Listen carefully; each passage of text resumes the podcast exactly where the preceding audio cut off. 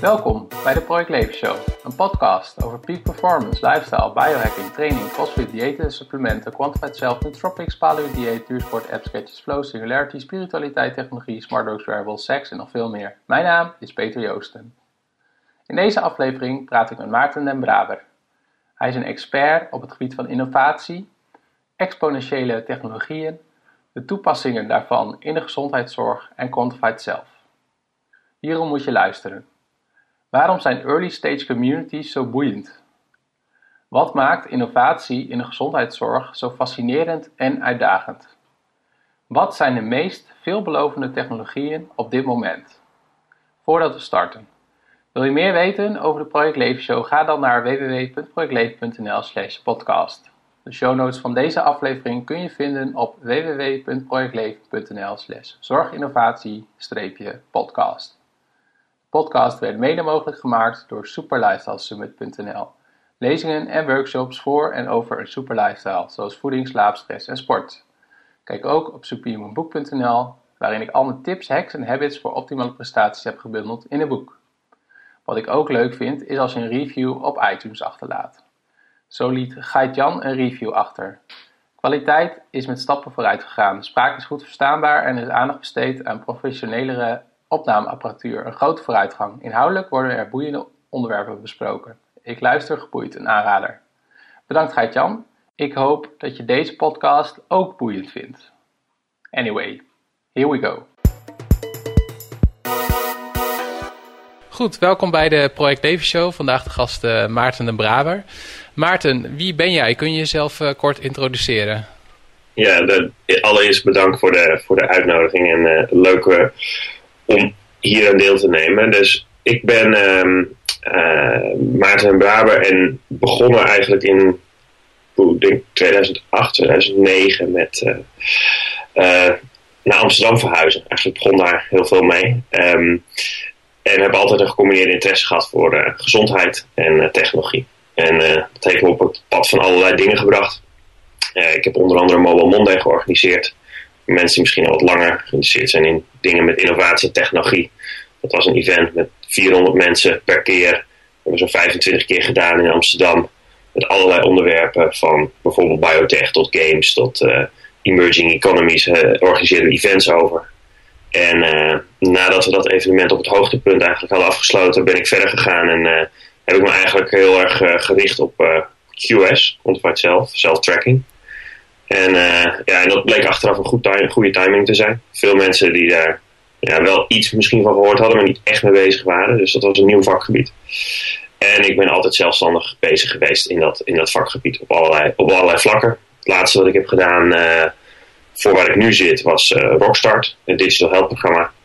Het was een accelerator programma waar we investeren in korte opleidingstrajecten van zes maanden voor jonge technologiebedrijven in de zorg. En op dit moment uh, ben ik een van de medeoprichters van Singularity U, de Netherlands, uh, die als eerste licentie heeft om Singularity U is een eigenlijk opleidingsinstituut voor alles wat met technologie te maken heeft, om dat uh, buiten Silicon Valley op te zetten, in dit geval hier in Nederland. Oké, ja, we gaan straks over al die verschillende subonderwerpen ook nog doorpraten. Quantified Self, Rockstart, gezondheidszorg, innovatie en Singularity. Um, nog iets korter terug uh, bekeken. Wat, heb je, wat is het leukste wat je afgelopen week hebt gedaan? Uh, het leukste wat ik denk afgelopen week heb gedaan misschien wel is dat ik... Uh, we hebben net de opening van onze hub gehad. En, en ik merk altijd... Ik, ik, heb een events achtergrond, dus het produceren is wel zeg maar een deel van mijn werk altijd geweest. En, en wat dan altijd goed is, dat je zo'n event ook echt kan afronden. Dus maandag, maandagmiddag hebben we met het hele team hebben we eigenlijk alles weer teruggebracht in de staat zoals het moest zijn. Uh, alle dingen afgerond. En uh, dus het, het, leukste in die zin, het prettigste was dat we dat gewoon uh, ja, af hebben kunnen maken. Zo'n gevoel dat je een project hebt gedaan en dat je dan aan het einde met z'n allen terugkijkt en dat je denkt, oké, er zijn geen losse eindjes op dit moment in ieder geval meer die je hebt. Beetje het inbox zero gevoel, maar dan oh, ja. echt, zeg maar. ja. En je hebt het gevoel van, ik kan nu weer even, even ademhalen en weer aan het nieuws beginnen. Dus, dus ik denk dat dat dat, dat, geeft wel een, dat is voor mij echt pas een moment ook waarop je echt terug kan kijken. Veel mensen zeggen, vergeet niet, weet je wel, als je iets moois neerzet, geniet ervan. Ja. En dat kan ik echt doen, merk ik altijd, als het, als het echt over is. Als het echt helemaal afgeproduceerd is. En uh, ik kan weer de spullen oppakken en zeggen, nou, wat is het volgende event? ja. En heeft dat ook te maken met uh, voor jou dan uh, de term peak performance? Heb je daar überhaupt wat mee? Nee, ja, ik heb daar niet zozeer wat mee. Ik denk dat dat zo zou benoemen. Maar um, uh, ik las de term en, en dus ik, ik dacht dat ik ben er eens over na gaan denken wat dan peak performance is. En ik vind het eigenlijk wel intrigerend. Het is denk ik wel altijd iets waarnaar ik streef. Dus ik ben typisch wel zo'n iemand die dan eindeloos kan pielen met, met productiviteitstips en met, met to-do-programma's en met, met weet je, optimaliseren.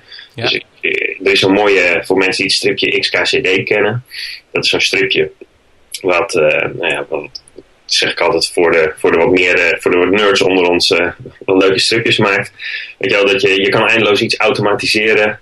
En daar stop je al heel veel tijd in. Dat heeft je uiteindelijk anderhalf uur gekost en dat heeft je twee minuten winst opgeleverd. Ja, precies. Um, dus ja, peak performance is dat misschien niet echt, maar ik, ik merk wel dat um, ondanks al die voorbereidingen die je altijd doet om zo goed mogelijk dingen misschien te plannen, ben ik altijd meer iemand dat mijn peak performance echt komt als je gewoon uh, iets af moet krijgen en er is een bepaalde tijdsdruk.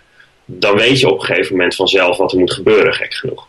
Ondanks het feit dat je alles in lijstjes kan zetten en alles kan voorbereiden. Op een gegeven moment weet je ook gewoon, dit moet gewoon gedaan worden.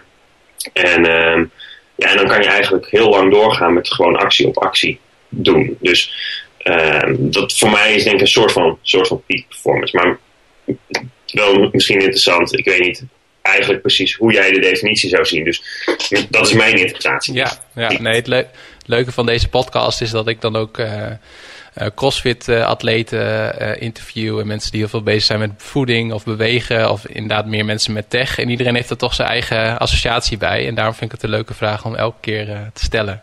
Ja. Dus het is niet dat daar, ja, dat daar een vast antwoord voor is. Nee. nee. Ik denk een andere vorm van peak performance, nu dat zo zegt, is misschien wel dat ik heb sinds een tijdje weer het hardlopen opgepakt. Dat, dat heb ik, ik denk, anderhalf jaar terug voor het laatst echt actief gedaan. En, nu, nu dus weer een tijdje. En, en, en, mijn gevoel van peak performance begint altijd na de 5 kilometer. Dus 5 kilometer vind ik oké, okay, omdat dat loop je op een gegeven moment loop je dat vrij makkelijk, relatief makkelijk. Maar ik merk ook altijd na de 5 kilometer begint er zo'n moment dat je niet meer nadenkt over hoeveel kilometer je gelopen hebt. Maar dan, dan raak je in zo'n, ja, vooral in zo'n flow. Dan heb je ja. zo'n gevoel dat je dat het puur nog in je hoofd zit of je maar wil blijven gaan. Maar dat eigenlijk het gedachte van ik moet nog een stap doen en nog een stap doen, waar je soms in het begin zo heel erg ja, uit moet komen, dat je dat eigenlijk niet meer hebt. Het is ook een soort, en gek genoeg is het altijd rond hetzelfde moment. Ik weet, als ik die grens haal, als ik die 5 kilometer gehaald heb, dan is die 10 kilometer veel makkelijker. 0 tot 5 is veel moeilijker dan 5 tot 10. Ja, ja.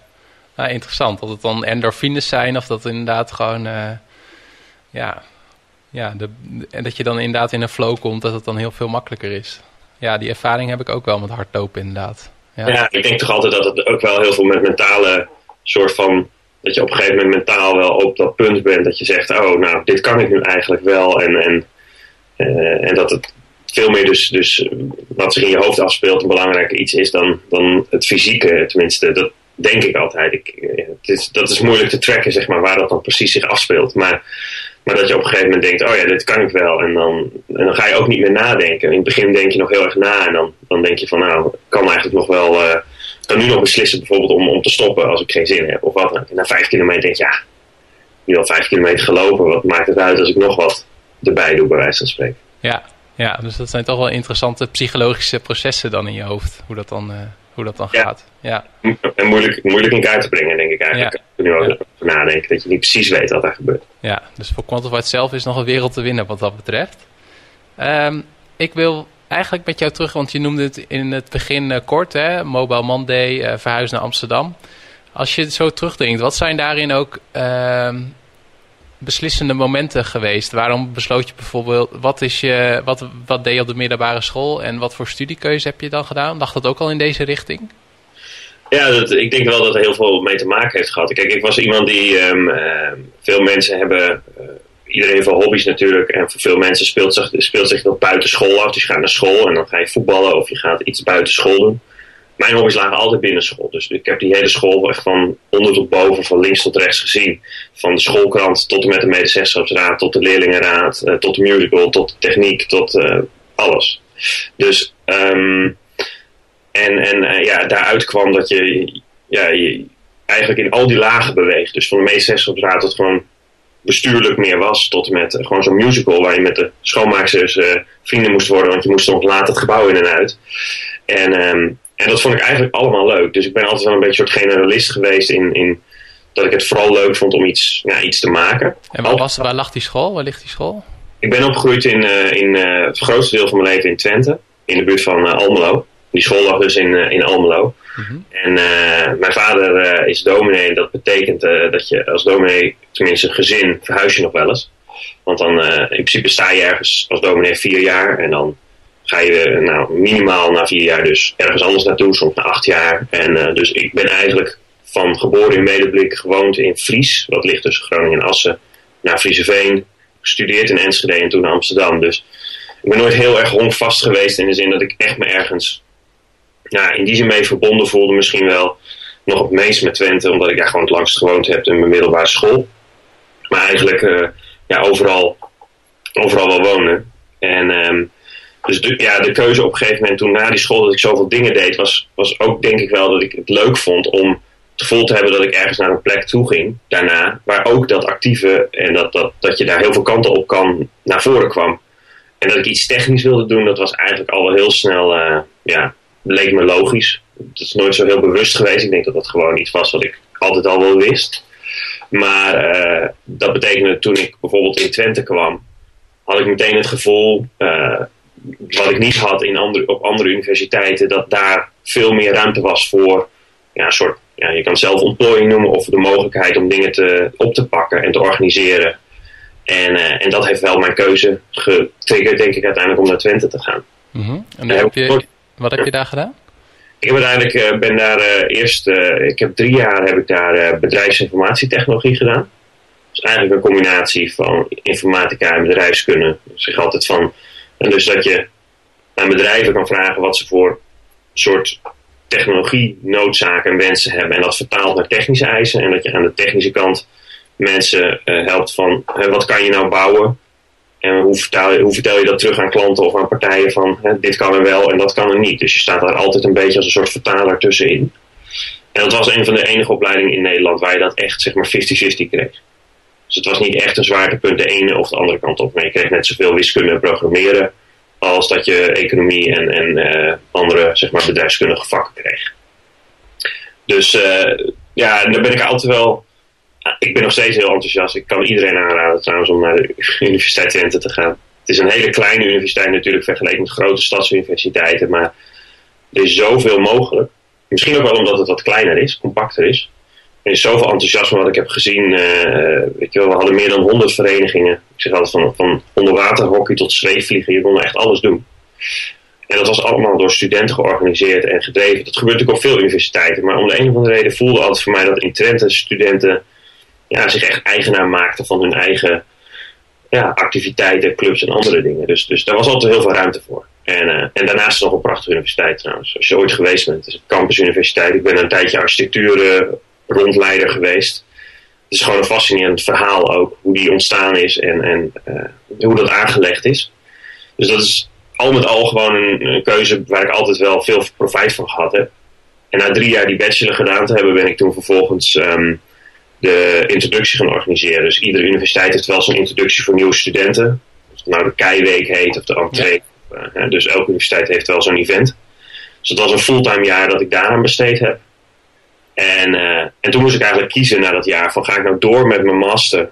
Uh, ik was de eerste lichting bachelor master studenten. En uh, ga ik door met die master. Dus ga ik het, het advanced variant doen van mijn opleiding. Die ik toen deed in de bachelor. En dat leek me niet zo heel erg aantrekkelijk. Dat was meer hetzelfde, vond ik toen ik er eens goed naar keek. Maar er was ook een versie die ging veel meer om healthcare technology. En dan komt toch een beetje, denk ik, die achtergrond dat ik uit een domineesgezin kom, uh, uh, denk ik dan altijd maar in ieder geval weer naar voren. Dat ik toch wel de, nou ja, de interesse had om iets te doen met maatschappelijke impact. Dus niet alleen maar een, uh, ja, opleiding te doen, ik zeg altijd, waarbij je bedrijven helpt om meer rendement te draaien en meer geld te verdienen maar waarbij je ook uiteindelijk iets toevoegt voor mensen in de maatschappij. En zorg, ja, zorg was in die zin al een voorbeeld wat, wat in die bachelor uh, waar ik mee bezig was, IT-projecten in 2002, 2003, heel veel voorkwam. Toen had je bijvoorbeeld de invoering van wat is gaan heten de diagnose-behandelcombinatie in ziekenhuizen. waren grote data warehouse projecten. En dat waren dan dingen waar wij opdrachten over deden. Dus ik denk dat 50% van mijn projecten toen al voorbeeldprojecten waren in de zorg. En, uh, en toen ik daarop doorging, ja, toen, toen leek het me leuk om daar meer mee te doen. Dus toen ben ik die zorgkant opgegaan. Dus het was eigenlijk technische bedrijfskunde, maar dan in de zorg. Dus ook optimalisatie van operatiekamerplanning tot strategie van ziekenhuizen. En, uh, en dat is ook uiteindelijk waar ik op afgestuurd ben. Dus dat, dat strategie van ziekenhuizen. Wat ik, wat ik op een gegeven moment zag was een opdracht ergens bij een strategy consultancy. En dat ging over ja, inderdaad strategievorming. En ik kon daar interviews gaan doen onder dat project. En ik heb toen zelf een soort vorm eraan gegeven dat ik in die techsector, waar ik toen ook wel actief in was, de vraag over businessmodellen. Want als je dan op een conferentie kwam, dan was altijd zo'n vraag: wat is je businessmodel? Wat is dat dan? Nou ja, mensen vertelden over een start-up. En dan zei iemand, uh, die vertelde natuurlijk dat hij iets ging, ging maken, een of andere dienst. En een businessmodel, dat was dan meestal de vraag waarmee mensen bedoelden, hoe ga je er eigenlijk geld mee verdienen? Oh, businessmodel. Businessmodel, ja. ja. En eigenlijk is dat, als je het helemaal opbreekt, is dat het revenue model. Want dat is één onderdeel van het businessmodel, hoe je er geld mee gaat verdienen. Het andere, modellen, andere onderdelen zijn met wie ga je het samen doen en hoe ga je het uh, aan de man brengen via welk kanaal. Maar um, ik, ik vond die elementen van al die vragen over businessmodel en winst en hoe je dat eigenlijk als een soort puzzel samen op, uh, opzet, interessant om die vraag te stellen aan ziekenhuizen. En grappig was dat als je dat aan ziekenhuizen vroeg, bijvoorbeeld uh, concurrentie was dan altijd onderdeel, had de ziekenhuis werkelijk geen idee dat concurrentie iets anders was dan een ander ziekenhuis. Dus concurrentie was altijd ja, het andere ziekenhuis of ja, de andere zorgorganisatie. En uh, de tijd dat ik dat onderzoek deed, dat was 2007, 2008. Um, dat was, er was dus nog geen Facebook. Twitter was net gelanceerd, maar was nog niet publiek zo zeg maar, bekend als nu. Um, uh, er was geen iPhone, of uh, geen ja, echte smartphone, dus die, die groot was. Maar er was wel een kleine community, wat onder andere bijvoorbeeld Mobile Monday was in Amsterdam, van mensen die daar wel mee bezig waren. En als je dat... was jij al bezig met Mobile Monday? Of niet? Ja, ja 2008, 2009 ben ik daar. Ik, ben er, ik ben er bij Momo, ik denk ik, Momo 6 bijgekomen, denk ik. Nee, Momo 9. Mijn eerste Mobile Monde die ik organiseerde was Momo 9. En dat was ook vanuit je eigen interesse? Ja, ja. Ja, er gingen toen twee mensen, nee, ik denk ik, drie mensen weg uiteindelijk. De oprichters van later, wat later Lear is geworden. Dus Ruimel van der Klein, Claire Boonstra, Maarten Lens Fitzgerald. Uh, die gingen toen een bedrijf oprichten, dus die hadden geen tijd meer om Momo te organiseren. En toen ben ik eigenlijk in dat gat gesprongen samen met Martijn Pannenvis, met wie ik later nog een start-up ben gaan doen, um, als een soort aanvulling op het team. Dus toen waren we weer met vijf. Sam Warnaars, Mark Fontijn, uh, nou, Martijn Pannenvis, uh, ik um, en Julie van Geest, die ook later ook nog weer bij Singularity U betrokken is. Dus, later weer tegen bent gekomen.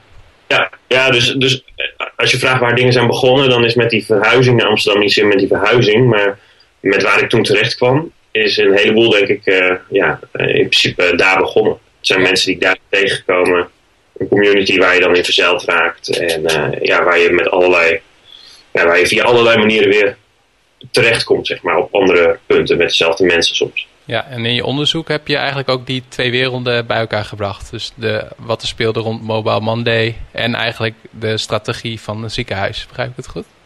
Ja, ja dat, en een van de dingen die ik heb gedaan die het meest interessant waren, of, of waar ik het meest profijt van gehad heb misschien wel, is um, wat je vaak ziet is natuurlijk dat mensen hun um, scriptie vervolgens, en die verdwijnt in een la. Mm -hmm. En uh, dan zit hij in het database systeem van de universiteit waar je hem geschreven hebt voor mensen die heel goed kunnen zoeken, kunnen hem daar vinden. Maar um, ik heb toen ook mijn presentatie en mijn scriptie online gezet. Dus ik heb ze gewoon online gezet en ze staan nog steeds online. Dus, dan ook een linkje opnemen. Ja, ja, ja, je kan ze gewoon vinden in script en, uh, en op mijn, uh, onder andere op mijn website. Waar je gewoon ziet dat als je zoiets online zet met een thema, in dit geval was dat dan business models en hospitals waar niet veel literatuur over is en waar niet veel over, over geschreven wordt. Dat er dan heel veel mensen komen die dan, nou ja, bijvoorbeeld door gewoon te googelen, je scriptie vinden en, uh, en vragen komen stellen of vragen of je ergens over wil komen presenteren misschien of andere dingen. Dus het heeft wel meegeholpen, zeker dat ik die, uh, beslissing toen nam om het gewoon openbaar neer te zetten en te delen. Dus dat, dat heb ik ook later wel eens gezegd tegen mensen. Het is eigenlijk zonde dat zoveel van die scripties en afstudeerverslagen gewoon in een la eindigen. Sommige mensen denk ik, die schrijven het gewoon omdat het moet. Het is nou eenmaal misschien een onderdeel van je studie. Maar als je denkt dat het ook maar enige waarde heeft, denk ik, voor, ja, voor, voor meer mensen dan alleen jezelf, dan, dan raad ik iedereen aan, zet hem gewoon online. Want uh, je weet nooit wie er naar op zoek is in sommige gevallen. Of wie er wat mee kan. Dus dat, uh, dat, heeft mij in ieder geval heel veel opgeleverd uiteindelijk. Ja, want toen ben je die hoek verder gegaan. Dus ja. in innovatie gezondheidszorg. En op een gegeven moment kwam jij in aanraking met Quantified zelf. Kun je dat moment, oh, weet je, dat, was dat een specifiek moment of was het iets wat gewoon langzamerhand. Ja, nou eigenlijk, credit where credit is due. Um, dat, uh, dat, dat werd voornamelijk getriggerd door James Burke. Dus ik heb samen met James Burke en um, Joost Platel heb ik dit opgericht. En ik weet nog heel goed dat, ja, zo soms dingen lopen. Je bent er wel mee bezig. En um, dus, dus ik kende James uh, online vanuit. Ik denk dat Pieter Robinet was iemand die organiseerde barcamps. Pieter kwam uit de VS en die organiseerde barcamps. En dat waren eigenlijk een soort uh, meetups waar iedereen iets vertelde over iets waar hij mee bezig was. En vaak met technologie. En, uh, en James en ik kenden elkaar online en hadden allebei gezien dat we iets interesse hadden in iets, iets met gezondheid en iets met self-tracking. Ik geloof dat James degene was uh, die toen uh, de term QS uh, ergens had gezien. En toen op een gegeven moment kwamen we elkaar tegen. Dat weet ik nog wel, dat moment dat we op de fiets ergens elkaar tegenkwamen. Dat we zeiden, oh, daar moeten we iets mee organiseren. En um, dus, dus Joost Plotel was daarmee bezig. James was daarmee bezig en ik. En zo hebben we eigenlijk ons allereerste event georganiseerd. Um, wat heel leuk was, want bijvoorbeeld de oprichter van Withings, de weegschalen inmiddels eh, overgenomen door Nokia, die toen nog op de trein stapte en die gewoon met zijn weegschaal onder zijn arm kwam om te laten zien hoe dat werkte en, en, en hier naartoe kwam. Dus dat was, ja, in die zin was het heel leuk, want het was zo'n andere ja, tijd. Het was natuurlijk sowieso een andere tijd, maar er is heel veel ook daar weer uitgekomen van bedrijven en mensen die echt hele mooie dingen zijn gaan doen later. Dus ook daar was het wel een community van mensen die, uh, denk ik, nog heel erg aan de rand zaten van wat er toen interessant werd gevonden. Maar wel elkaar al had gevonden. En, uh, en, en, ik denk wat daar mede bijvoorbeeld meespeelde, was de opkomst van iets als Twitter. Dus Twitter was natuurlijk eigenlijk een soort virtuele kroeg waar mensen elkaar konden vinden. En waar je elkaar aansprak en dingen deelde. Um, zoals, je, uh, zoals je soms in een kroeg kan doen, dat je gewoon iemand tegenkomt. En ik weet nog dat toen ik op Twitter ging en ik zocht naar mensen in health en hospital en healthcare enzovoort, dat ik gewoon kon zoeken in de bio's van mensen. En dan tikte ik die woorden in. En er waren niet meer dan 200 mensen die ik toen kon vinden met die woorden. Die heb ik toen allemaal aangeklikt. En die ben ik gaan volgen. En er is van alles uitgekomen. Dat zijn mensen die later bedrijven op zijn gaan richten. Er zijn mensen met wie ik conferenties heb georganiseerd. Er zijn mensen met wie ik papers heb geschreven. En er zitten heel veel van die mensen in die eerste 200 mensen die ik daar ben uh, tegengekomen.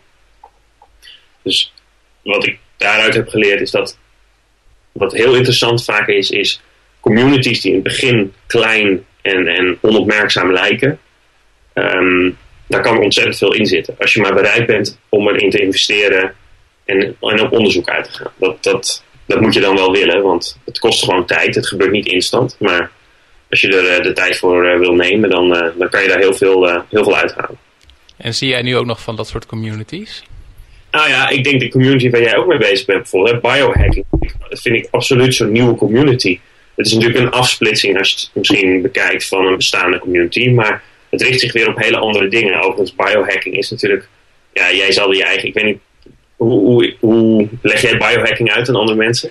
Nou, ik leg het uit als het optimaliseren van mijn leven en mijn lichaam door middel van biologie en technologie. Maar ja, ik weet niet of jij ook een chip hebt, maar dat is ook vaak een, een associatie die mensen hebben, namelijk het klooien aan je lichaam. Want dat is natuurlijk ook hacken eigenlijk. Ja, ja. ja. dus, dus zelfs als je het zo opsplitst, zou je kunnen zeggen, zijn er biohacking twee varianten op zijn minst. Is de, de, de, human augmentation variant met echt chips onder je lichaam en uh, protheses die beter zijn dan je standaard lichaams, uh, zeg maar, eigen functies bijvoorbeeld. Um, en, en inderdaad optimaliseren wat een beetje meer naar de QS-kant op, op gaat. Um, Maar ook daar is weer een, ja, een community van ontstaan. Van mensen die zich, die zich uit allerlei, en dat is vaak zo interessant, vanuit allerlei andere gebieden komen. Dus als ik bijvoorbeeld wel eens biohacking en dan voornamelijk de human augmentation variant uitleg, dan, uh, dan vertel ik waarom ik het zo interessant vind. Is ik ben benieuwd welke mensen daar zich mee bezighouden. En dan, weet je, ik kom mensen tegen uit scenes waar, ik helemaal niet bekend mee ben. Bijvoorbeeld uit de body piercing of de body art of body mod. Dat zijn hele andere groepen. Maar blijkt dat die mensen wel de skills hebben om human augmentation te doen. En nu is dat heel gimmicky. Dan ziet het eruit als, als versieringen van je lichaam. Maar er is een kleine stap maar dus nodig voor die mensen om iets functioneels toe te voegen aan jouw lichaam bijvoorbeeld. Door een chip. Dat is, dat is voornamelijk een voorbeeld van wat er kan. Niet dat het doel per se uh, in dit geval uh, heel erg relevant is. Maar het zijn die mensen die dat kunnen. En die zich daar ook op gaan toeleggen. Zo iemand als Tom van Oudenaarde van Piercing Utrecht. Die gewoon aan de lopende band dit soort dingen nu doet. En op zoek gaat naar andere soorten chips en, en, en human augmentation. Ja, dat soort communities, als je die in de gaten houdt. En, en op zoek gaat naar met wie zij uh, contact hebben. En welke conferenties ze heen gaan. En wat voor projecten ze uh, doen. Daar, ja, daar zit goud in wat mij betreft. En dat, dat, dat is ook fascinerend. Maar iedere keer heb je, ja, je hebt vijf, zeven jaar nodig voordat zo'n community vaak, als die al uh, naar voren komt, echt gaat leven in het in ieder geval publieke domein, dat meer mensen ervan weten. Ja, dus daarvoor moet je het niet doen, maar je moet het denk ik gewoon doen omdat het interessant is. Dus ja, early stage communities vind ik wel fascinerend. En hoe zie jij nu de stand van zaken rondom uh, Quantified zelf? Ja, ik vind Quantified zelf is, is, al vanaf het begin af aan een interessante beweging geweest. Omdat natuurlijk de founders van Quantified zelf, in ieder geval de naam. Hè, er is natuurlijk altijd een veelheid aan, aan founders als je het goed kijkt. Maar als je het hebt over Gary Wolf en Kevin Kelly, die natuurlijk heel erg founding in die zin zijn geweest door het schrijven van zo'n artikel als The Data Driven Life in de, in de New York Times destijds. En het schrijven over dit onderwerp in Wired. Die, um, dat zijn journalisten. En dat zijn ook nog eens een keer journalisten met een filosofische inslag. Hè? Iemand als Kevin Kelly is natuurlijk niet voor niets. Wordt een beetje gezien als de Silicon Valley filosoof. En, en dat bepaalt ook heel erg hun manier van kijken naar deze ontwikkeling. Dus ik ben natuurlijk mede-organisator van de QS Europe Conferences. En, en je ziet in de, ja, in de gedachten die de organisatoren hebben um, vanuit de VS, uh, in dit geval Gary en, en het team van QS Labs, dat ze heel erg eigenlijk op afstand willen kijken wat doen andere mensen en zonder te sturen. Dus zij zullen niet zelf iets op de agenda zetten en zeggen dit gaan we dit jaar bespreken. Het thema van dit jaar wordt wearables. Nou, ze zouden dus kijken naar wat zijn de thema's die mensen op dit moment bespreken uh, waar ze experimenten mee doen. En dat is natuurlijk een, uh, dat is een hele andere manier weer dan bijvoorbeeld de veel meer commerciële, zou je kunnen zeggen, insteek. Of het is niet per se commercieel, maar de wat meer sturende insteek van andere partijen die zeggen: hé, hey, laten we even een rondje langs de velden doen. Dan halen we de trends op en dan gaan we het over die trends hebben. Dan programmeren we een spreker over the future of, of, of wearables. Of, en, en daarmee is, is in mijn ogen is, uh, is QS een typische beweging van advanced users. Van mensen die zelf al heel diep in dit vakgebied zitten. Het is niet typisch een wetenschapsconferentie. Maar het houdt een beetje het midden tussen een wetenschapsconferentie en een consumerconferentie, zou je kunnen zeggen. Um, want, want bijvoorbeeld op de QS-conferentie zal je weinig zien over de latest gadgets. Of uh, over de latest uh, new technology of wat dan ook. Het gaat er voornamelijk om de toepassing. En hoe kan je daar uh, op een beschouwelijke manier naar kijken. En daarmee is QS niet een leidende beweging uh, niet een leidende beweging die de richting aangeeft. Dus QS is een soort beweging die trackt wat er gebeurt en probeert in kaart te brengen wie dat zijn en wat de effecten ook zijn. En dat waardeer ik ontzettend in QS. Dat het niet een beweging is die dus zegt zo moet het, maar die probeert te achterhalen hoe kan het.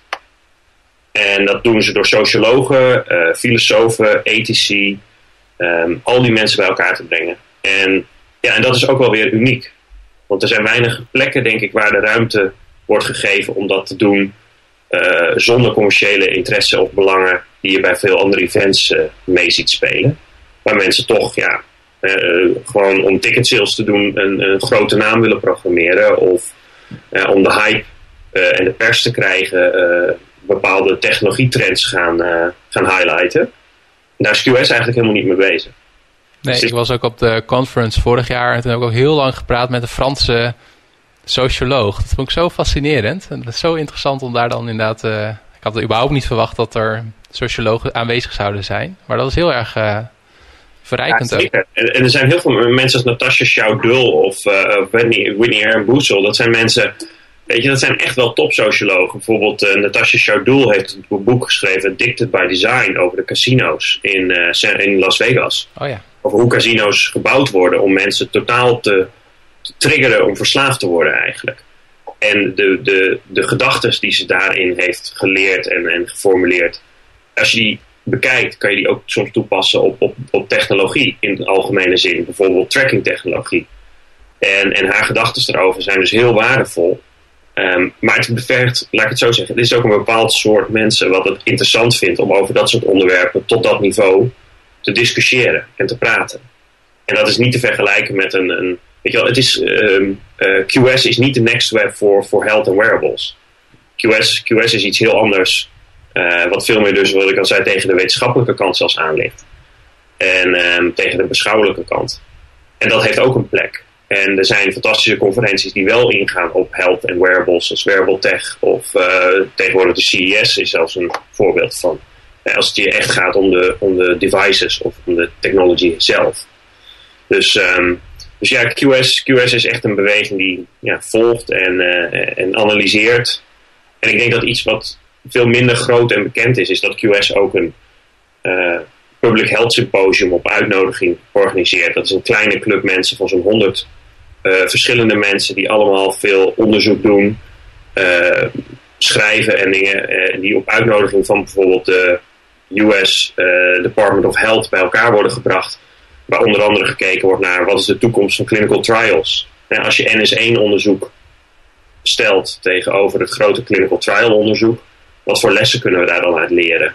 Wat voor lessen kunnen we trekken over de privacy rondom data en data access en ownership?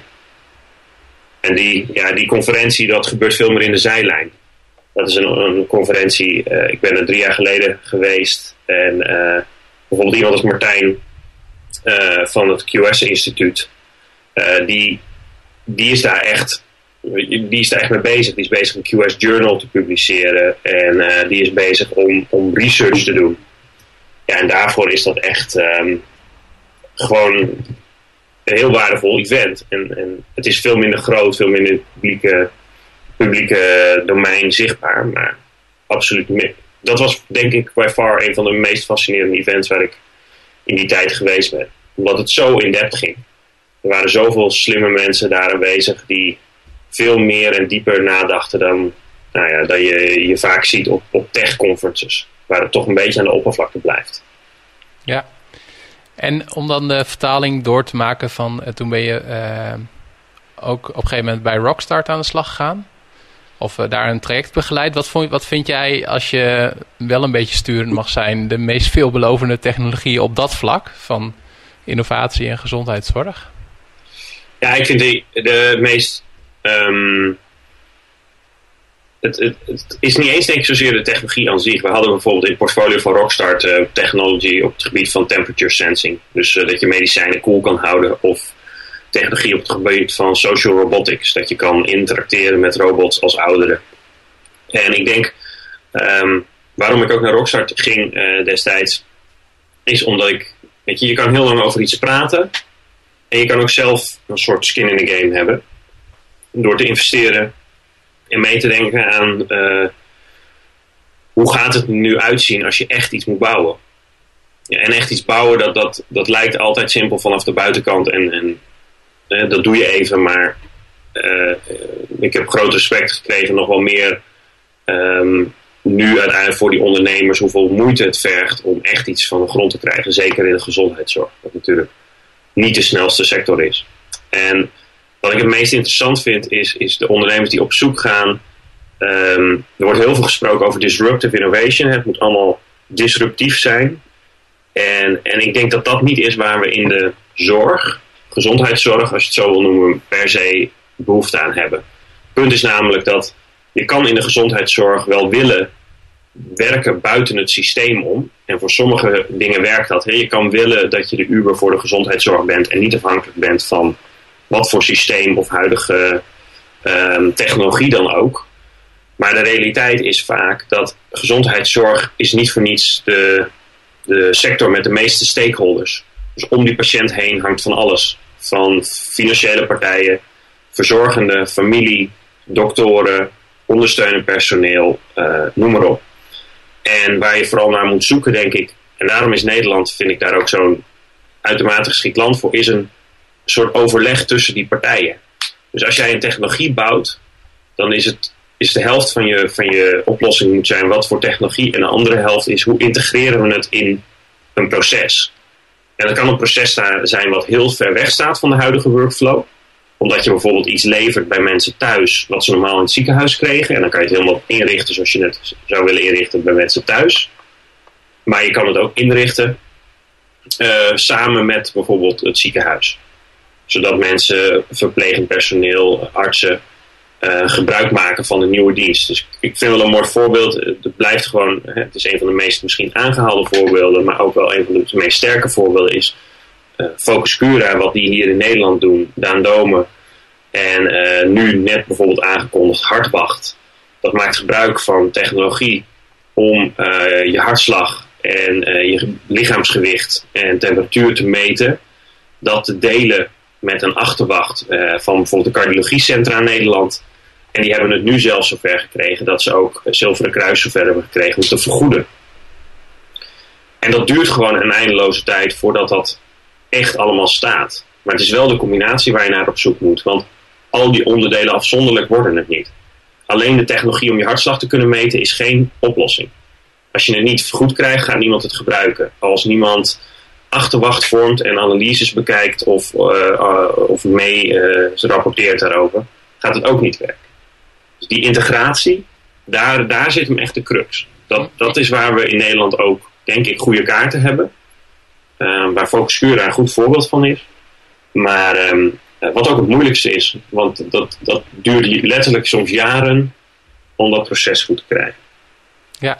Ik denk dat dat uh, de toekomst heeft, meer van dat soort geïntegreerde modellen eigenlijk. Dan echt hè, allerlei wat jij zegt, de Uber van de zorg. Dus het gaat meer om die integratie en het afstemmen met de stakeholders dan echt het, een baanbrekende technologie die aan zich al zou nou, ik, ik, ik, geloof zeker dat er een aantal baanbrekende technologieën gaan komen. Kijk, er zijn een paar dingen waarvoor je uh, sectoren waarvoor je meer de Uber kan zijn. Uh, onder is zo'n fameus voorbeeld in de VS, thuiszorg.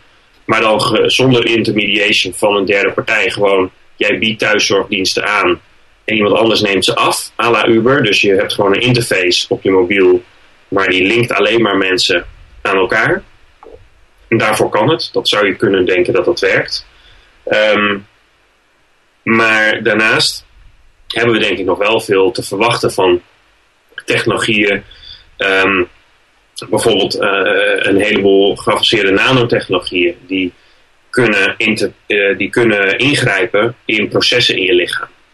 Of uh, die kunnen, kunnen sturen daarin. Of, of bepaalde technologieën, of het dan gaat om het beter analyseren van je DNA en een keuze voor bepaalde medicijnen. Maar ik denk dat die technologieën, zeker omdat ze zo geavanceerd zijn, uh, een inbedding moeten hebben in een proces. En dat is vaak het zorgproces wat we nu ook kennen met experts op het gebied van genetica, of experts op het gebied van je bacteriehuishouding. En die mensen doen fantastisch werk. En ik denk dat we moeten zoeken naar manieren om dat proces beter te maken. Met ondersteuning van technologie. Zodat de mensen beter kunnen doen waar ze voor opgeleid zijn of waar ze tijd aan willen besteden. Menselijke maat. Het adviseren op basis van objectieve data. Um, maar dat gebeurt niet in een soort vacuüm van we hebben nu de technologie en that's it. Nee. En uh, daarna ben je uh, onder andere weer met Jury van Geest en twee andere compagnons uh, Singularity University Hub, of hoe moet ik het zeggen, uh, gestart in Eindhoven? We zijn eigenlijk we zijn Singularity the Netherlands gestart. En een onderdeel van Singularity the Netherlands is een innovatiehub. Dat is eigenlijk een Technology Experience Center in Eindhoven. Naast het feit wat wij voornamelijk doen is opleidingsprogramma's. Dat is onze core. Dus wij bieden als eerste ter wereld aan dat we onder het Singularity U label uh, Singularity U opleidingsprogramma's aanbieden over technologie in de volle breedte. Dus van artificial intelligence, 3D, 4D printing, nanotech, biotech. Al die onderwerpen in een uh, tweedaagse of een driedaagse update uh, voor bedrijven en voor ondernemers. Om bijgepraat te worden over wat is er mogelijk. En om bijvoorbeeld ook met een driedaagse die wij organiseren samen met andere partijen in jouw sector of zelfs buiten je sector juist om tafel te gaan zitten hoe je dat verder gaat implementeren en wat je daarvoor stappen voor moet nemen. Dus dat is onze core. We leiden mensen op om op de hoogte te zijn van wat is de impact van de technologie, wat speelt er, hoe ga ik ermee om, waar moet ik zijn voor mijn informatie. En daar zit hem de core in. En het is heel bewust echt Singularity in the Netherlands. En dat willen we dus niet alleen in uh, Eindhoven doen, dat doen we ook met salons. Dat zijn eigenlijk lokale chapters uh, die gerund worden door alumni. In bijvoorbeeld uh, Eindhoven, Amsterdam, Rotterdam. En waar er straks mensen opstaan die ook in andere steden als alumni zo'n programma willen organiseren. Dus eigenlijk wat wij doen, is ons richten op dat opleiden van mensen, um, ook beyond het C-level. Nu is veel gericht op het C-level bestuurders en management van uh, bedrijven. Dus C-level bedoel je CEO, CIO? Ja, ja. ja, dus echt de top van de bestuurlijke, bestuurlijke laag. En, um, en wat wij voornamelijk willen doen in de komende, in de komende uh, uh, jaren, zeg maar, in de komende jaren ook voornamelijk, is dat beschikbaar maken um, voor meer lagen in zo'n organisatie en andere organisaties. Dus ook middenmanagement, ook de uh, werknemers gewoon op de werkvloer, het MKB, studenten, scholieren.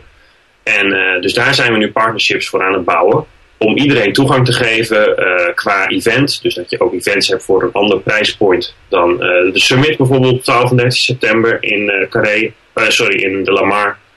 En um, dus allerlei varianten aan te bieden die passen bij nou ja, de verschillende punten zoals het, het de scholieren, studenten, MKB'ers zijn.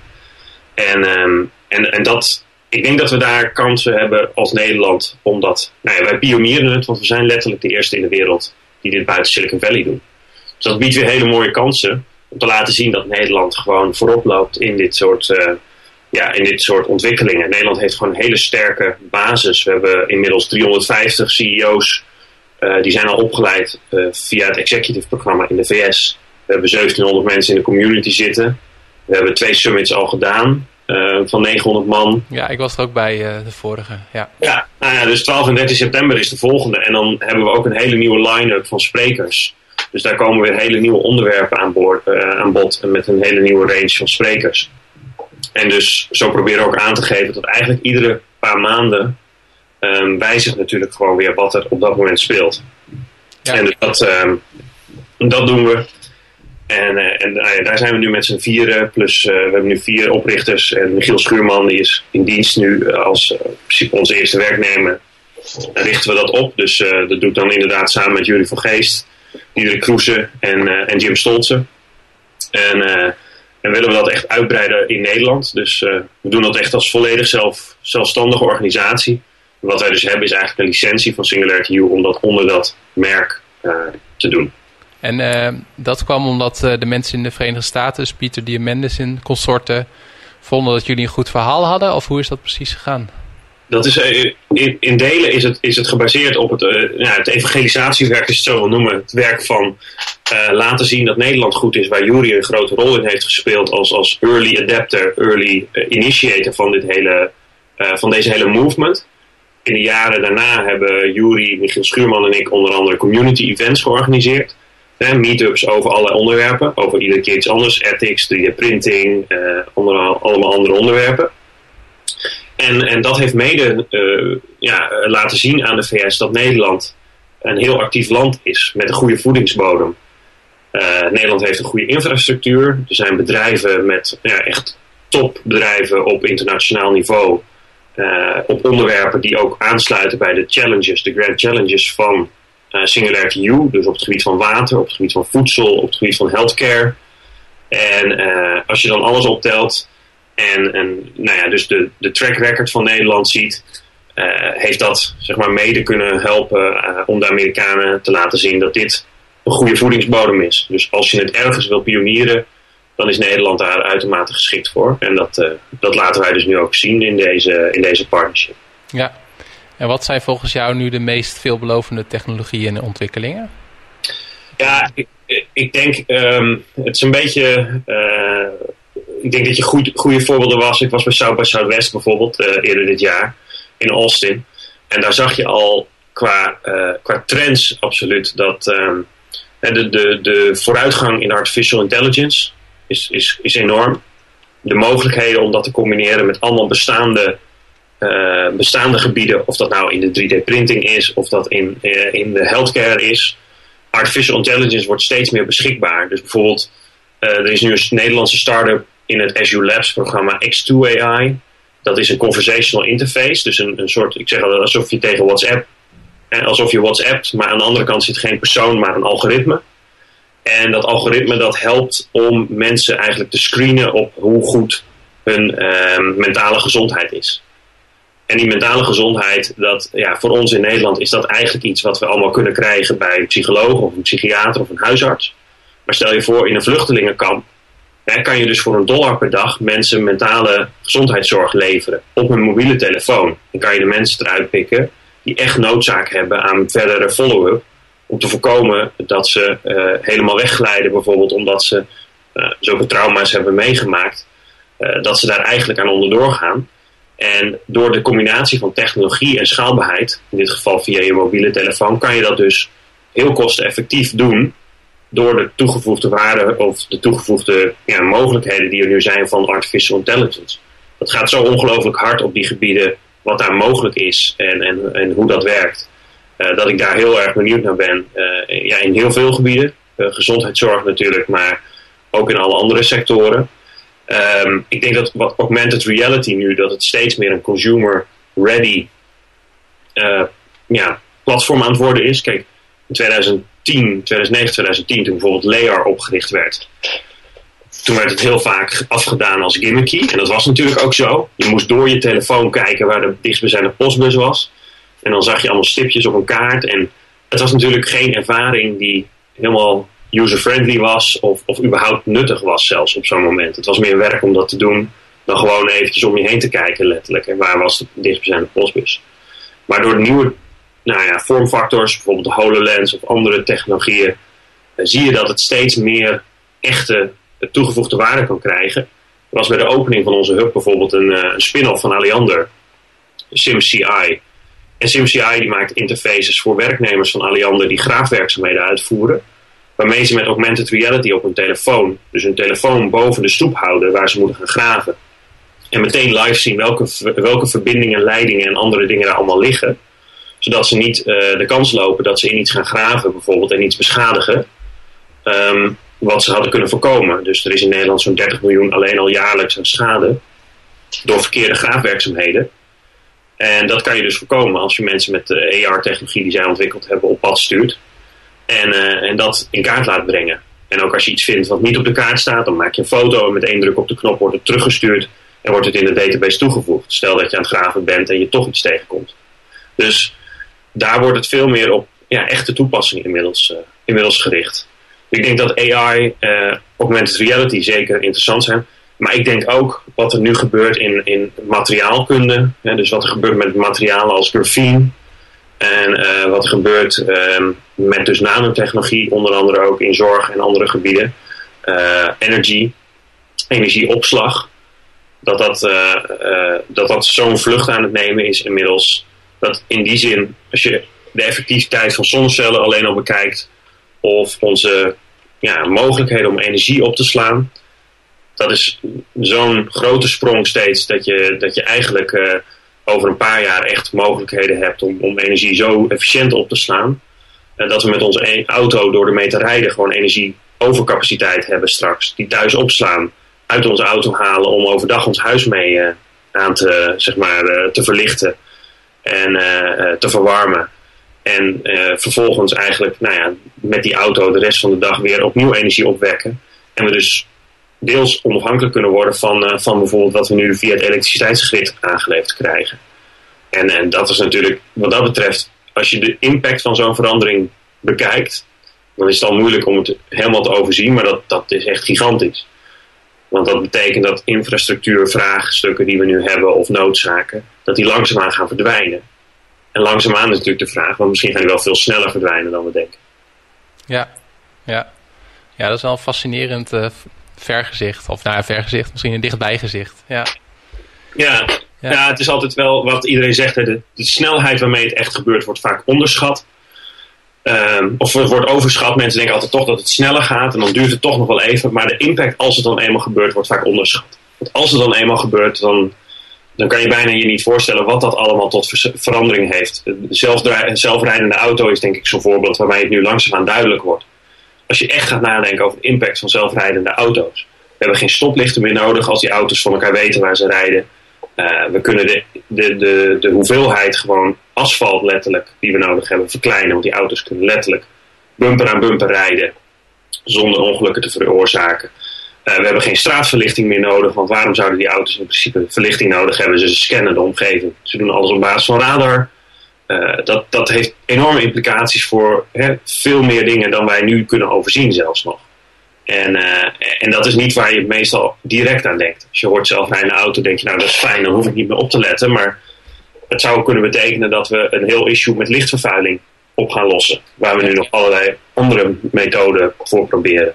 Of uh, inderdaad gewoon hoeveel natuur versus hoeveel asfalt we in Nederland of, of, of, in de wereld hebben. En dat zijn effecten die, ja, die komen pas echt naar voren als je er echt uh, mee bezig bent. Als het echt los, losbarst, zeg maar. Als het echt losbarst, ja. ja. Dus daar kijk ik wel naar uit. Ik denk dat dat echt... Ja, wij gaan dat nog meemaken. Weet je, dat is wel het fascinerende. Wij gaan gewoon meemaken dat de wereld in die zin gewoon totaal gaat veranderen in hoe die ingericht is. Puur de omgeving om ons heen wordt zo anders. Omdat we die infrastructuur, die, die, die auto's staan denk ik ook niet meer straks voor ons huis geparkeerd. Die rijden gewoon rond totdat we ze nodig hebben. Dat zie je al in zo'n functie als Summon, wat uh, Tesla net heeft georganiseerd, geïntroduceerd. Je tikt op je horloge, je auto komt voorrijden. Waar je auto geparkeerd stond, ja, who knows. En maakt het uit. Maakt het uit dat die ergens staat waar, die, waar jij weet dat die staat? Of kan je hem gewoon vinden op het moment dat je hem nodig hebt? Ja, ja een hele paradigma shift eigenlijk. Ja. hey Maarten, op het einde heb ik nog een aantal vaste vragen voor uh, alle mensen die ik interview. Uh, als jij wakker wordt, hoe zien meestal de eerste 60 minuten van je dag eruit? Nou moet ik natuurlijk niet zeggen dat ik dan een snoezer ben, hè, want anders ben ik, ben ik af uh, ja. in deze podcast. Dan eindigen we de interview direct. ik, um, nee, dit is een van de onderdelen waar ik, waar ik met fascinatie kijk naar jouw experimenten. Want um, mijn 60 minuten van mijn eerste 60 minuten van mijn dag zijn niet de meest georganiseerde. Het is een onderdeel waarvan ik absoluut denk, weet dat ik als ik uh, ze heel goed gestructureerd kan hebben, dan voel ik me ook altijd fantastisch. Als ik het wel voor elkaar krijg om netjes van tevoren te bedenken van oké, dan ga ik mijn ontbijt al klaarstaan en dan uh, heb ik uh, bij spreken koud gedoucht. En het komt wel voor dat ik dat doe. Maar ze zijn eigenlijk heel rommelig. En soms uh, zijn het geen 60 minuten, laat ik het zo zeggen. Dan zijn het snel nog eventjes douchen en, en een banaan meegrijpen voordat ik ergens moet zijn. Dus um, ik ben echt, ja, hoewel ik wel anders wil denken, echt meer een avondmens. Ik kan heel productief zijn als ik lang doorga. Maar um, echt goed op tijd opstaan en zeer gestructureerd mijn ochtend uh, doen. Daar, kijk, ik, ik, zie mensen die uh, bijvoorbeeld, uh, hoe heet het boek? Miracle Mornings. Ja. Heb je misschien ook wel gelezen. Um, ja, het, het, lijkt me fantastisch. Maar bij mij is het nog één grote chaos ochtends.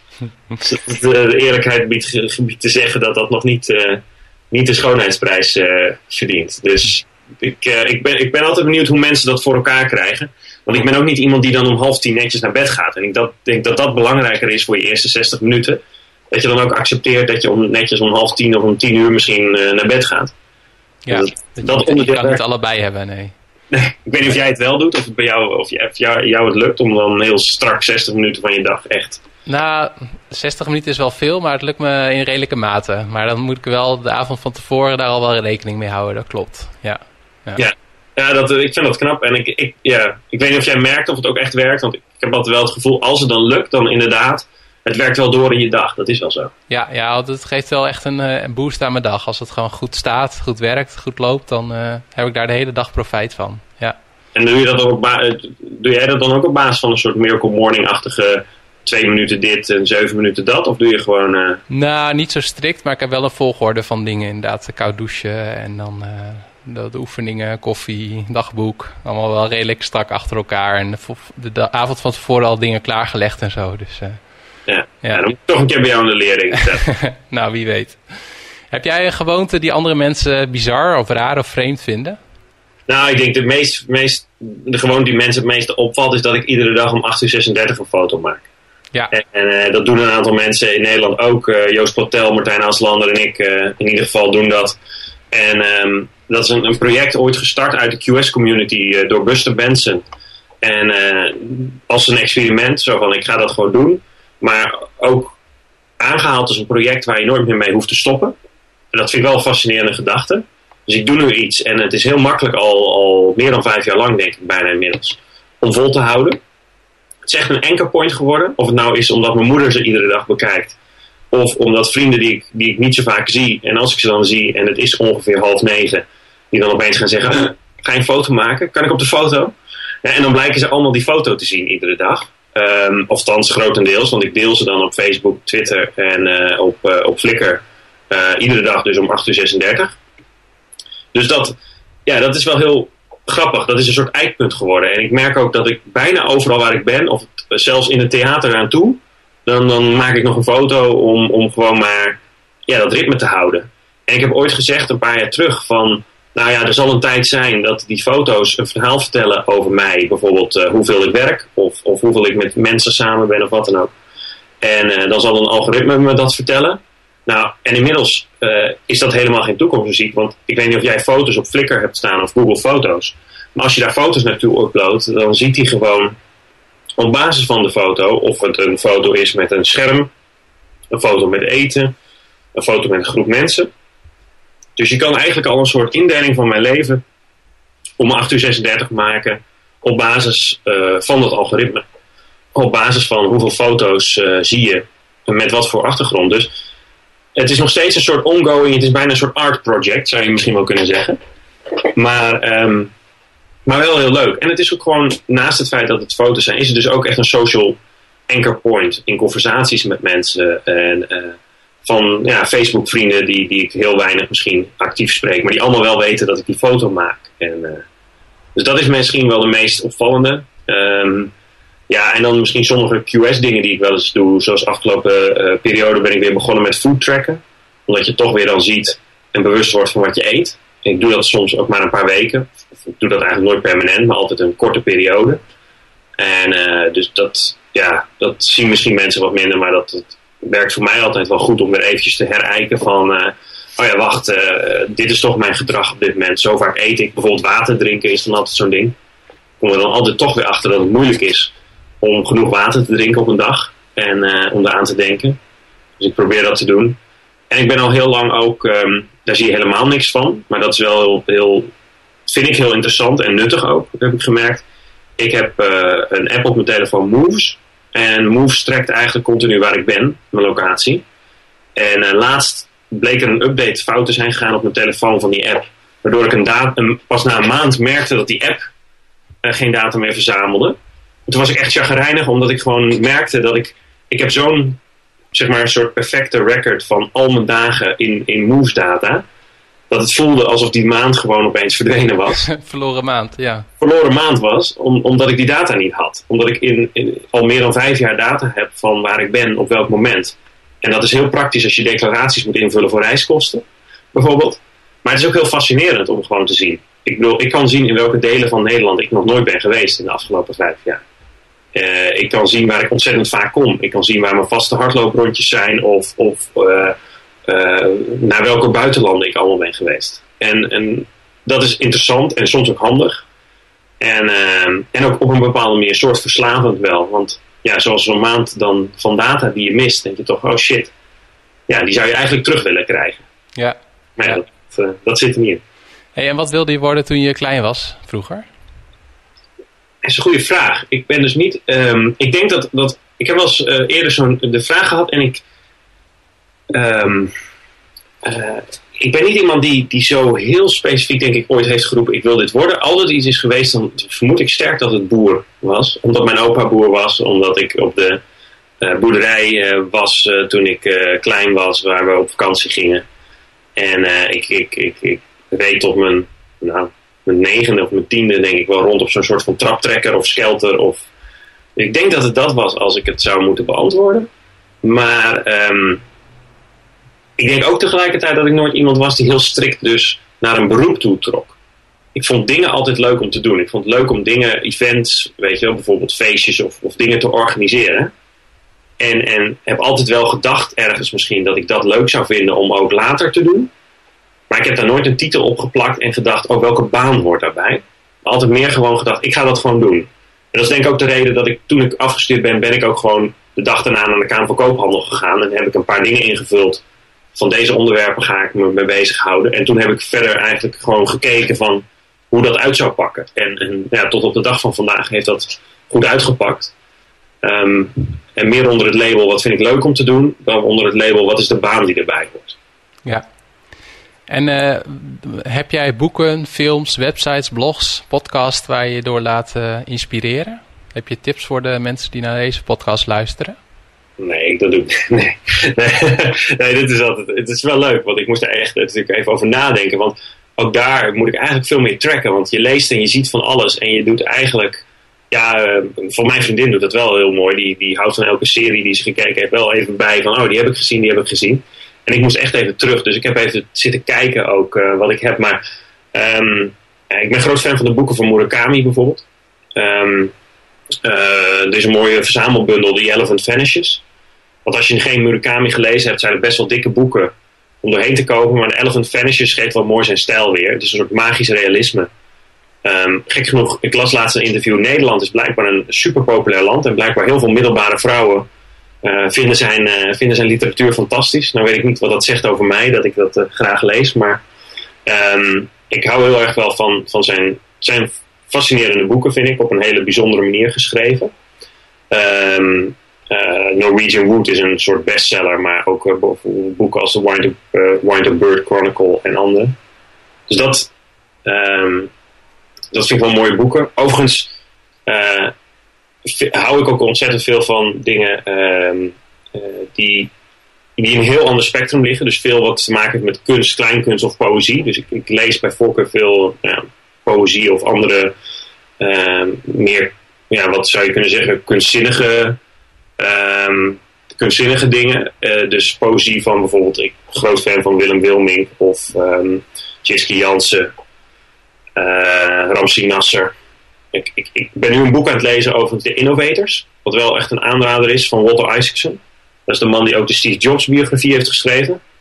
En in de Innovators beschrijft hij uh, de hele historie eigenlijk van hoe innovators werken. En dat ze eigenlijk nooit afzonderlijk werken, maar dat het altijd gaat om teams.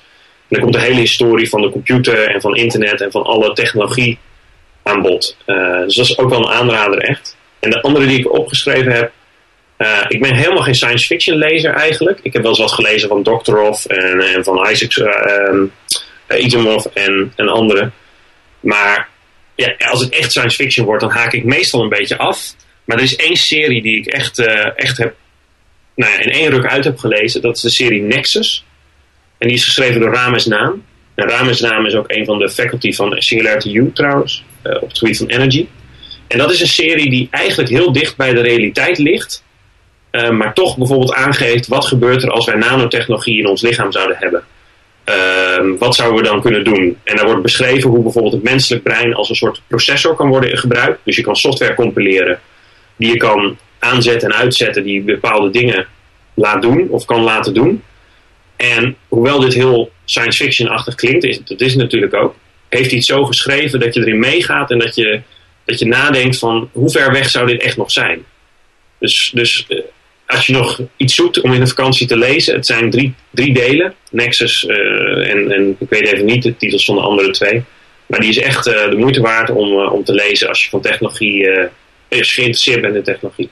Ja, ja, ik zal linkjes naar alle boeken en series opnemen, ook in de show notes bij de podcast. Hey, en Maarten, als, heb je nog één ding die je mensen zou willen meegeven? nou ja, ik zat te bedenken. Ik denk, uh, ondanks alle talk over technologie en andere dingen. Ik denk als je nu uh, straks uh, deze podcast af hebt geluisterd. Um, het gaat meestal om, weet je wel, uh, mensen zeggen wel eens koude technologie, warme zorg bijvoorbeeld in de gezondheidszorg. Of dat is de high-tech human touch. Ik denk als je nu deze podcast uitdoet, je doet je oortjes uit en je belt iemand op aan wie je al heel lang denkt, waarvan je denkt, die moet ik eigenlijk vertellen dat, ik, dat diegene heel erg belangrijk voor me is of heel erg veel voor mij betekent. Ik denk dat dat is wat we veel va vaak over het hoofd zien. Uh, als we zo makkelijk communiceren. Je kan iemand een WhatsAppje sturen en je kan iemand wel een berichtje sturen, maar iemand gewoon af en toe een keer opbellen of langsgaan om te laten weten dat je dat mensen bijzonder voor je zijn. Ik denk dat dat iets is uh, ja, waar technologie nog steeds, uh, waar nog geen vervanging voor is. Dat human to human, dat, dat contact, dat dat ontzettend belangrijk blijft. En dus wat je niet moet vergeten, denk ik. En wat soms ja, makkelijk ondersneeuwt in alle dingen waar we mee bezig zijn. Ja. Een mooi einde richting, het, richting deze podcast. Um, we hebben een heleboel besproken. Quantified Self, gezondheidszorg, innovatie, singularity. Zijn er nog dingen waarvan jij denkt van hé, dat hebben we gemist? Dat is misschien voor de volgende ronde?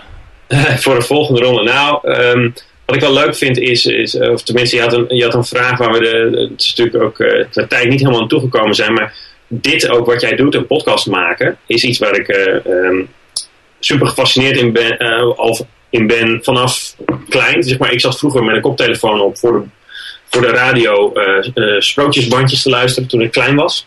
Dus, dus verhalende radio vind ik altijd een, een fascinerend iets. En, um, en ik vind het altijd heel leuk om te zien dat er zoveel nieuwe podcasts en onderwerpen zijn. Dus uh, ook in Nederlands, zeg maar ook Nederlandstalig. Dus deze podcast, maar ook dingen als Echt Gebeurd, de Appels en Peren podcast. Um, maar ook kleinkunst, wat ik dan leuk vind als Andermans Sferen. Er is zoveel moois beschikbaar in, uh, in podcastland tegenwoordig. Dus in het Engels NPR Planet Money de Startup Podcast. Dus als mensen dit, ja, misschien is dit de enige podcast die mensen luisteren, dat, dat weet ik niet. Of misschien is het een van de vele, maar um, ja, podcast is, is een fascinerend iets sowieso, maar is ook nog eens een keer aan zo'n opmars bezig dat er steeds meer kwaliteitsmateriaal bij komt. Dus ik denk dat mensen die dit leuk vinden, zo'n podcast als jij nu maakt, om te luisteren, ook, ook zeker verder misschien eens moeten kijken wat er allemaal nog meer is. Want er is echt ontzettend veel moois wat daar gemaakt wordt. Dus een podcast over een podcast is er geloof ik zelfs al. Ik geloof dat Gimlet zoiets heeft. Maar uh, ja, er is ontzettend veel. Het is een soort, soort doos waarin je kan grasduinen met allemaal prachtig materiaal van wat er tegenwoordig gemaakt wordt. Dus ik vind dat leuk om te zien. Ja. Hey, en Maarten, laatste twee vragen. Wat, wat vond jij van deze podcast interview? Ja, leuk. Het was eigenlijk de eerste keer dat ik een uh, vraag kreeg dat, uh, dat ik gevraagd werd om, weet je wel, zowel inhoudelijk op, op de thema's waar jij het over hebt, maar ook gewoon breder persoonlijk. Dus dank voor die uitnodiging dat, dat het leuk is. En ik, ehm, ik denk dat het gewoon, ook wat ik net zei over podcast, leuk is om te zien dat er steeds meer mensen zoals jij gewoon echt je eigen niche vinden om dit te maken. Dus uh, ik hoop dat er nog veel uh, interessante gesprekken volgen. Die, nou ja, die laten we zien en mensen laten ervaren ook van wat, de onderwerpen waar jij het over hebt. biohacking, QS-achtige dingen en wat, daar, wat er allemaal in speelt. Dus ik ga zeker luisteren. Ja, leuk. Hey, en als mensen meer over jou willen weten, ook om de 8 uur 36 foto's te zien, waar ben je allemaal te vinden op het internet? Eigenlijk is het simpelste uh, als je mijn naam intikt of het, uh, de username die ik overal gebruik, MD Braber, dus M-D-B-R-A-B-E-R. Dan vind je me op ieder platform onder die naam. Dus op Flickr, op Instagram. Op, uh, maar als je mijn website bekijkt, mdbraber.com, dan staan er ook alle linkjes naar presentaties, naar foto's. En onder andere mijn scriptie, ook waar ik het over had, die staan allemaal daar. En die kun je dan vanaf daar allemaal vinden. En op Twitter, mdbraber. Hartstikke goed. Ik zal de uh, linkjes ook opnemen bij het artikel. En dan uh, bedank ik je nog heel erg voor je tijd. Ja, bedankt ook. Bedankt voor het luisteren naar de Project Leven Show. Wil je meer weten over de Project Leven Show? Ga dan naar www.projectleven.nl slash podcast. De show notes van deze aflevering kun je vinden op www.projectleven.nl slash zorginnovatie-podcast. Tot slot. Laat een reactie achter op de blog of op iTunes wat je ervan vond of waarover je nog meer wil weten. Wat je ook kan doen is mijn e-mail sturen op peter.projectleven.nl Wil je niets missen van de Project Show? Ga dan naar facebook.com slash projectleven of abonneer je op deze podcast via iTunes, Stitcher of Overcast. De podcast werd mede mogelijk gemaakt door superlifestylesummit.nl Lezingen en workshops voor en over een super lifestyle zoals voeding, slaap, stress en sport. Kijk ook op zoekminimumbok.nl waarin ik al mijn tips, hacks en habits voor optimale prestaties heb gebundeld in een boek.